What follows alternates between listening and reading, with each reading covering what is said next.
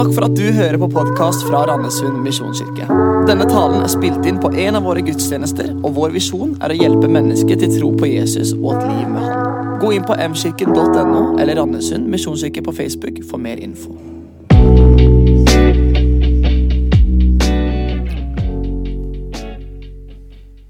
Vær stille.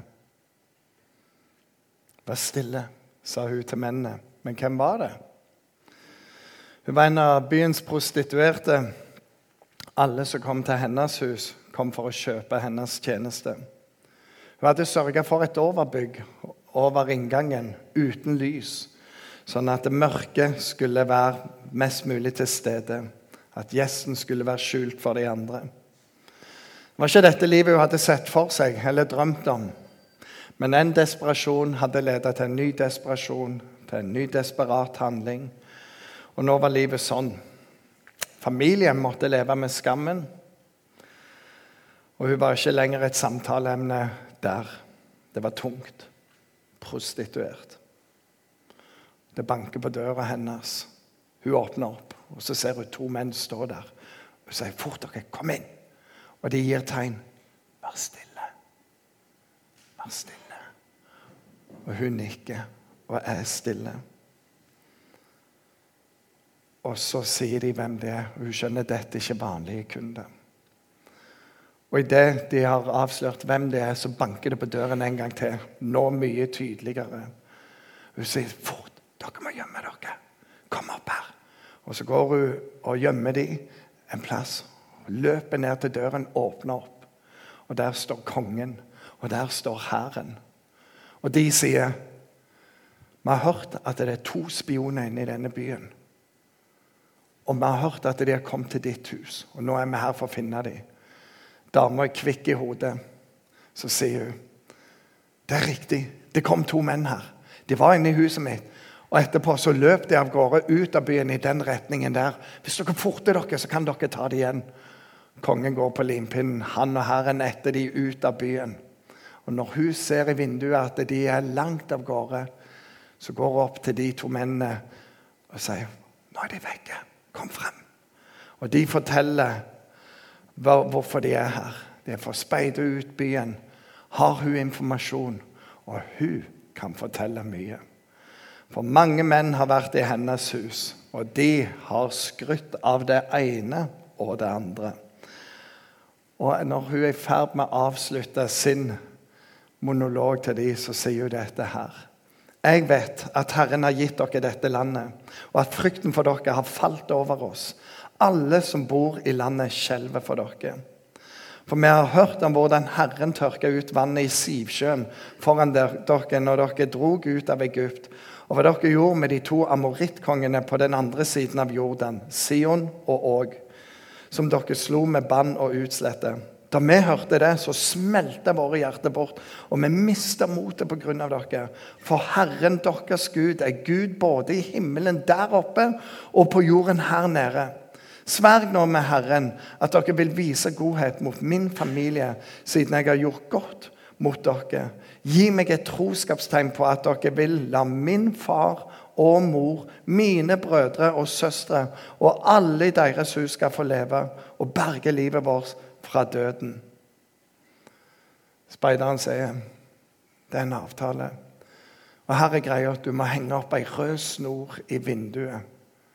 Og du må ikke røpe at vi har vært her. Røper du oss, er no deal. Ser vi ikke snora, no deal. Hvis du holder dette hemmelig, vi ser den, så skal alle dere berge livet. En rød snor. Det var jo akkurat det som hadde skjedd 40 år før. Når Gud sier dere må ta et lam, dere må drepe det, så må dere smøre blodet over dørstolpen. Og engelen, når han ser det, skal gå forbi og berge livet der inne. Igjen var det en rød ting som skulle henge der for å berge liv. Og vi vet at dette er en profetisk fram til Jesus, han som ofra sitt blod for alle oss, for at vi skulle gå forbi. Og den dagen byen Jeriko inntas, så blir Rahab, for det var hennes navn, og hele hennes slekt spart. Rahab. Når Jerikos, Jerikos murer faller, så får speideren beskjed om å skynde seg til, til Rahabs hus og berge henne og alle som er i huset. De banker på. Det er stille. Det er helt stille. En hel slekt sitter i stillhet. De må ikke bli oppdaget av kongen, av innbyggerne. Og de ber for livet sitt. Døra åpnes, og friheten kommer. Alle blir berget. Og kvinnen som i begynnelsen av denne historien har de dårligste framtidsutsikter, som er familiens skam, som har mange vonde erfaringer, hun er den som redder alle. Alt blir snudd på hodet. Hun blir redningen.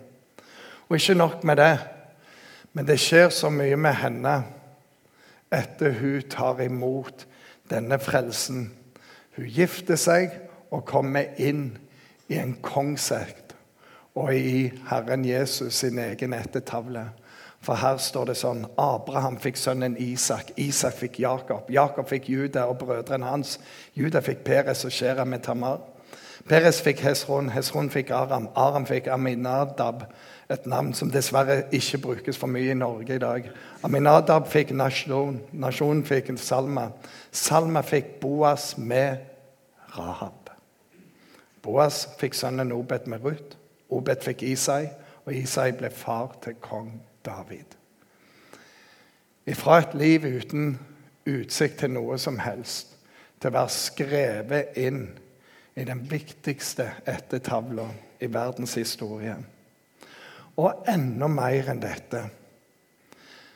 Ved tro falt Jerikos murer der folket hadde gått omkring dem i syv dager. I tro ble Rahab hun som var prostituert, redde fra å omkomme sammen med de ulydige. For med fred hadde hun tatt imot dem som var, kom for å speide ut landet. Og i Jakob. Dere ser altså at mennesket kjennes rettferdig pga. gjerninger, og ikke bare pga. tro. Var det ikke slik med Rahab også, hun som var prostituert? Hun ble kjent rettferdig pga. gjerninger fordi hun tok imot utsendingene og slapp dem ut en annen vei. Rahab trodde på Gud, og troen endra historien hennes. Og det redda slekta. Hun, hun hadde, gjort utrolig mange feil i livet sitt, men hun tok imot frelsen. Og det endra alt, og det endrer alt. Og i dag så står jeg og vitner om henne, en prostituert i Jeriko. Hør, samme hva du har gjort, samme hvor du har vært, så vil din overgivelse til Gud endre din historie. Men som Rahab så må du komme til ham, og så må du be ham frelse. Hun hang ut en rød snor, og den redder henne. Jesus han ga sitt liv for deg, og det redder deg. Det er historien om Rahab. Vi har en annen tråd i dette her. Og det er selve folket som er på vandring. Jeg har kalt det for forberedelsen. Fordi i 40 år har et folk vandra i ørkenen, og de har hørt om dette løfteslandet. Og så er Moses død. Josva har blitt leder. Gud har sagt nå må du være modig og sterk. Og han bare wow, ok! Så han bare tenker nå er tida kommet. Og han sier dette her. Gå gjennom leiren og si til folket gjør i stand forsyninger til reisen, for om tre dager Tre dager! Tre under drøs! Da skal dere gå over Jordan og innta det landet Herren deres Gud har gitt dere i eie. Klare til action! Endelig! 40 år, tre dager. Ja, nesten. Nesten. For først måtte jo speiderne sendes ut. Og det tok jo sin tid. For De måtte finne krysningspunkt, de måtte lure seg inn i byen, de måtte holde seg skjult i tre dager, og så komme tilbake igjen og avlegge en liten rapport. Så der røyk tidsbudsjettet. Jeg skulle trodd Josva var sånn som meg. Det er en helt annen ting. Tidsoptimist. Og så tenker de nå er det bra, ja, fordi speideren kommer tilbake. De ga seg hen på hjemveien. De gikk ned fra fjellet, kryssa elven, kom til Josva, Nuns sønn, og fortalte han alt som var skjedd. Og sa til Josva Herren har gitt oss hele landet i våre hender. Og alle som bor der, skjelver for oss. Og folket hører det. Alle skjelver for oss. Wow! Hva venter vi på? Let's go! Og selvtilliten boostes jo til bristepunktet. Bare, et lite problem. Ei elv som er flomstor. Og det er ca. kanskje to millioner folk der. Og en haug med dyr. Bare krysse det. Så, ja. Men det er ikke så problem, for Josfa sa til folket gjør dere rene og hellige. For i morgen, ikke tre dager, i morgen, da vil Herren gjøre under blant dere. Og til prestene sa han, løft opp pakkisten og gå over elven foran folket. De løfta pakkisten og gikk foran folket. Så det var en liten utsettelse der, da. Men det var i morgen. Og det er noe som er viktig, og det er, har du med en hellig Gud å gjøre, så må du leve hellig. Du må innvie deg. Men i morgen skjer det. Den natta sov ikke mange. Og det var ikke fordi de var redde. Det var bare Nå I morgen! I morgen. Jordan, flommet over sine bredder hele innhøstningstiden. Men da prestene som bar kisten, kom fram til Jordan, og føttene deres brøt vannflaten, stanset vannet som strømmet til ovenfra, og reiste seg som en vold langt oppe ved Adam, den byen som ligger i nærheten av Saretan, mens det vannet som rant ned i Arabasjøen, som kalles Saltsjøen, ble helt borte. Folket krysser elven midt imot Jeriko. Prestene som bar Herrens paktkiste, ble stående trygt på den tørre bunnen i jorda, mens alle israelittene gikk tørrskodd over, helt til alt folket var kommet over jorden. Snakk om å gå på Guds løfte! Det går ikke an å gå mer på Guds løfte enn det der. Du går. Og vannmagasinene i Nord-Norge er fulle, mens her i sør er de tomme. Og de tenker 'That was easy'. Og så har de kryssa den. De ser Jeriko veldig lett å se, og det er veldig lett fra Jeriko å se de, for det ligger litt oppe i høyden der. Og de venter. Nå, nå skal det skje. Og de vet at de er enda mer redd for oss. For dette var umulig. De visste at de kom, men ikke nå, for elven var stor. Men plutselig ikke det heller et problem. Adrenalinet er pumpa opp. Nå nå skal minnesteinene reises, ja. Jarle talte om det sist uke. Og så gjør de det. Og nå, da? Nå må det skje. Nå er vi klare. Der er det! Vi er klare. 40 år. Og så sier Gud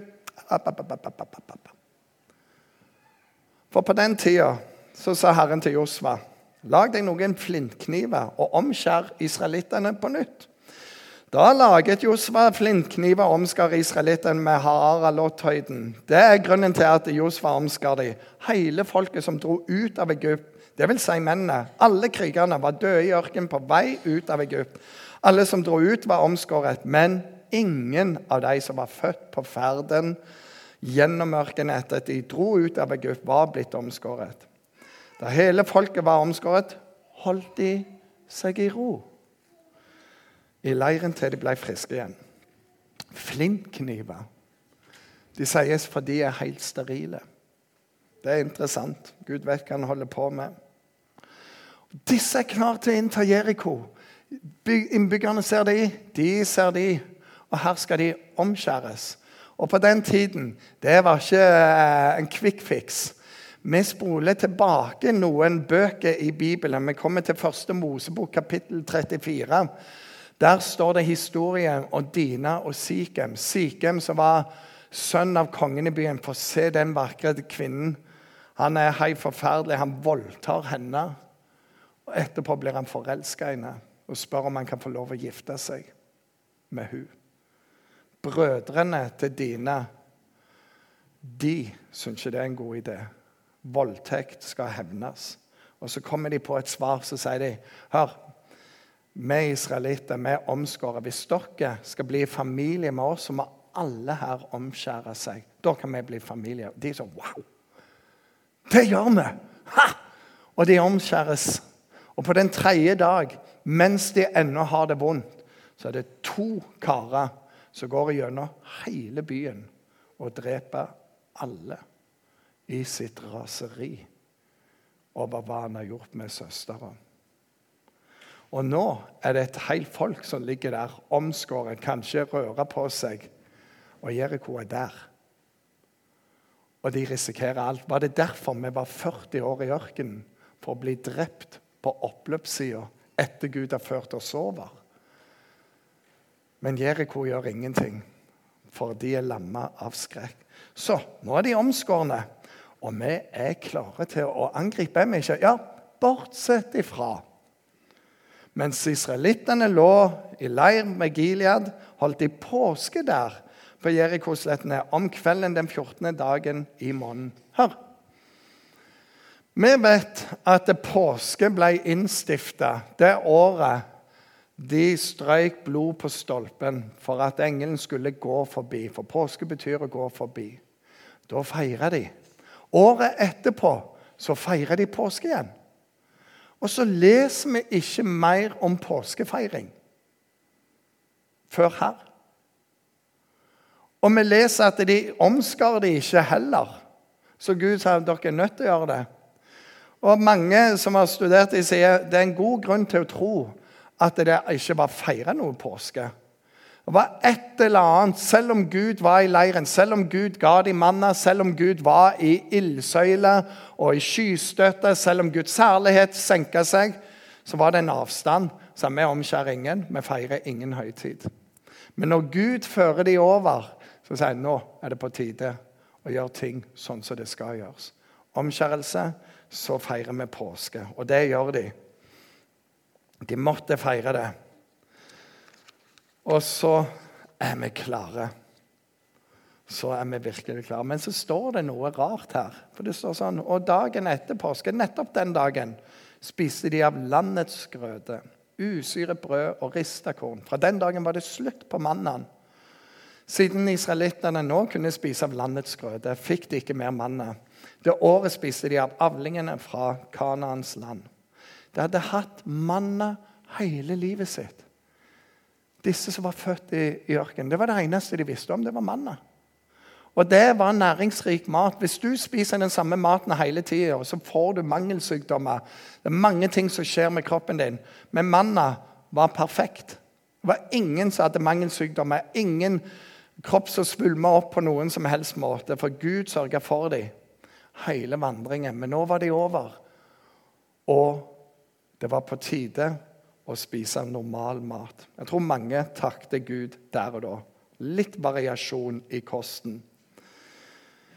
All denne forberedelsen inneholder noen åndelige prinsipper. For det første omskjærelsen.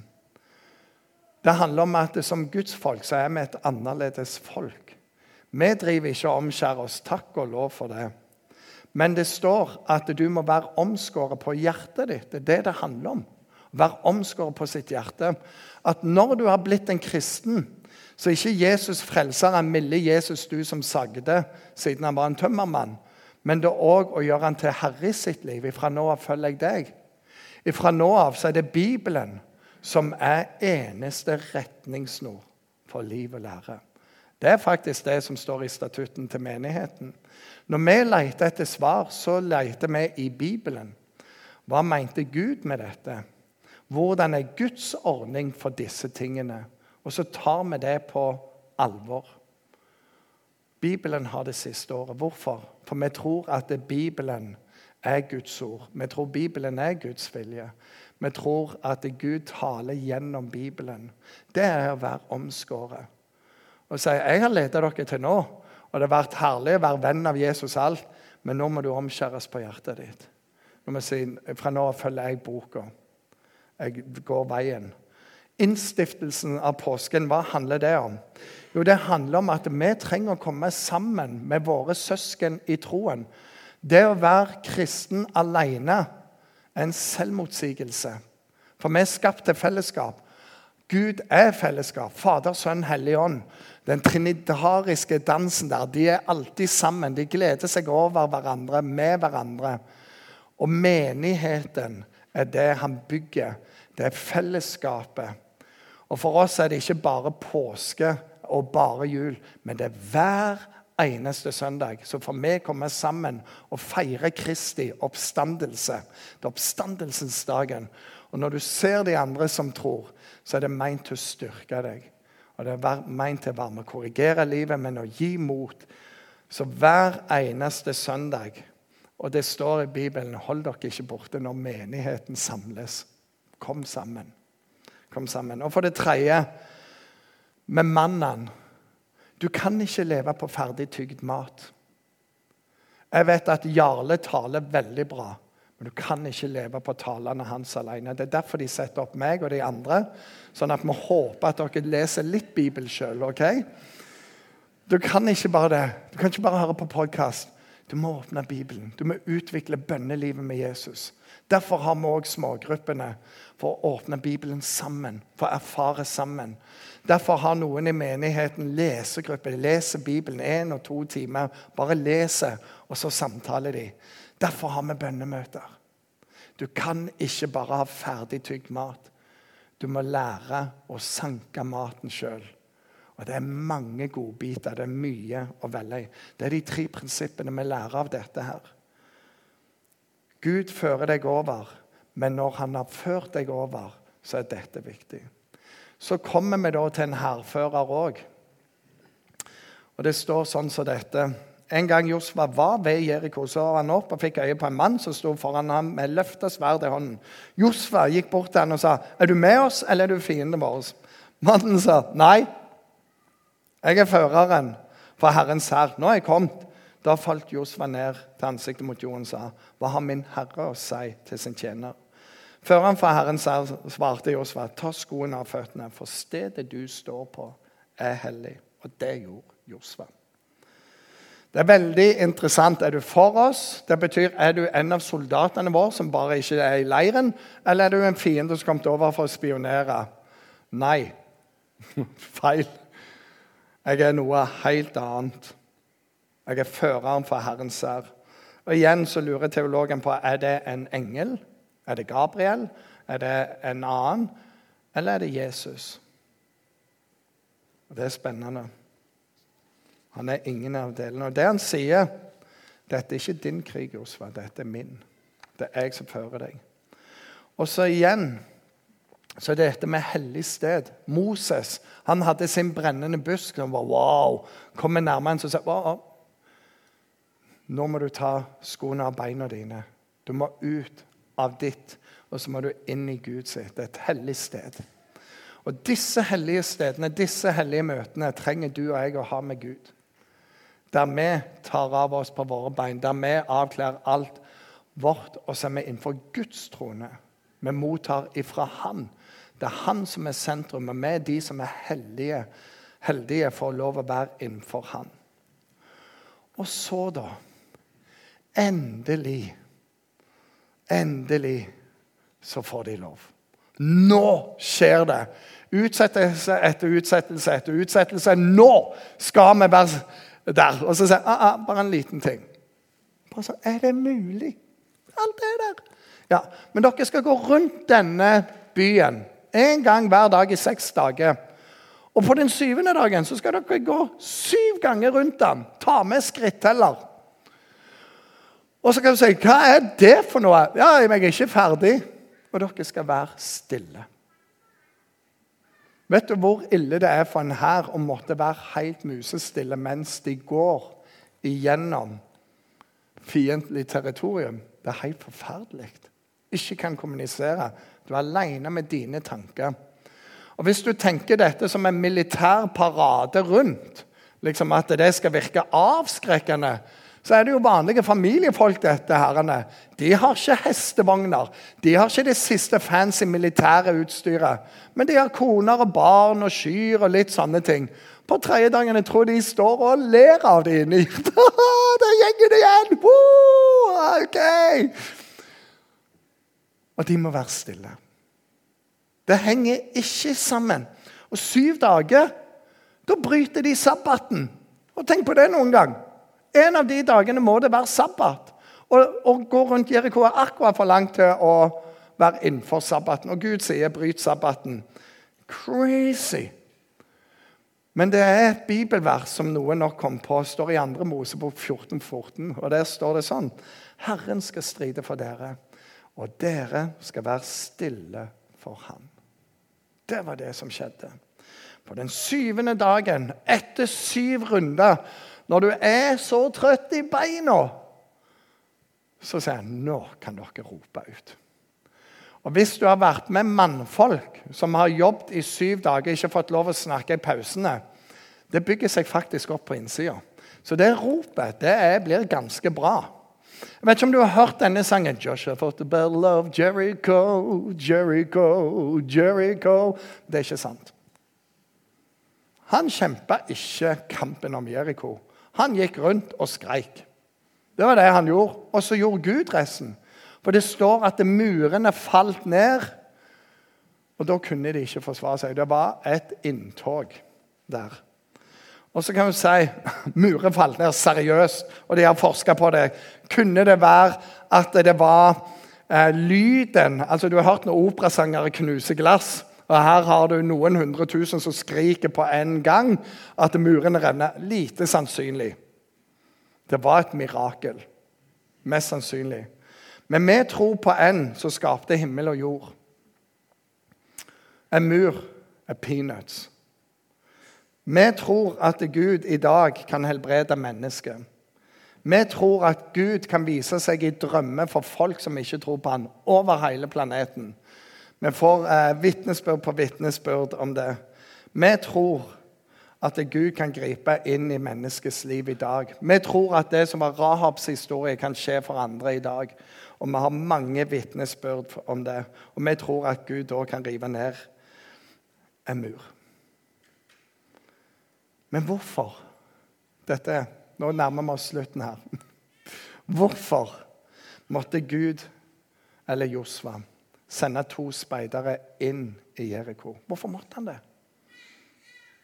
Det var fordi det var noen i den byen som måtte reddes. Det var ei kvinne, og det var ei slekt som måtte reddes. For de trodde. Derfor måtte de inn i byen. Jesus, når vi spoler fram til han, han måtte innom Samaria. Ingen gode jøder gikk til Samaria. Det var et dårlig folk. Ureine var de. og Skikkelig dårlig. Hadde ingenting med de å gjøre. Plutselig så sitter eh, Jesus der, i Samaria. Hvorfor? For det var noen som var klar for evangeliet. Og mens han sitter der, så kommer det igjen ei kvinne ut som hadde levd et vanskelig liv. Det minner om Rahabs liv. Hun kommer for å bære vann midt på dagen mens alle andre sover. For hun var lei av å høre slenguttrykk som hore. Så du der, billige tøs. Hun gikk for å være i fred, og plutselig så sitter en mann der. Og det er Jesus. Og Han snakker vennlig til henne. og Han snakker på en sånn måte at hun forstår egentlig ingenting. Og så snakker han rett inn i livet, og hun er bare sånn Wow! Og så blir hun frelst. Og det hun gjør Hun springer inn i byen, vekker alle fra siestaen og sier dere må komme ut! Og så, hva, hva, hva som skjer? Hva, hva feiler hun der nå i dag? Jeg tørner på henne. Og så forteller hun alt om livet sitt til hele byen. Hun som var redd for å se en av dem. Og det bare sånn Wow, dette er jo stort. Og jeg ser for meg ei dame løpe inn, og så blir det litt sånn tomt, og Jesus ser på soluret sitt. Og så går det en halvtime, og så plutselig kommer hele byen ut. og det bare sånn, All right. Og så får Jesus fortelle evangeliet, og alle blir frelst. Derfor måtte Josva sende to speidere til Jeroko. Derfor måtte Jesus ta veien om Samaria. Rahab trodde på Gud, og det redda henne. Og Pga. hennes tro så ble hele slekta redde. Står et bibelvers om dine synder er som purpur. Det vil si, om det er så svart, om det er så ødelagt, om det er så feil som det går an, så skal de bli hvite som snø. Det er Guds kraft for ditt liv i dag. Og disse murene som revner Det står noe om personlige murer i Jesaja. Det står dette her. Sion sier, 'Herren har forlatt meg, Herren har glemt meg.' Kan ei kvinne glemme sitt diende barn? En omsorgsfull mor det barnet hun bar.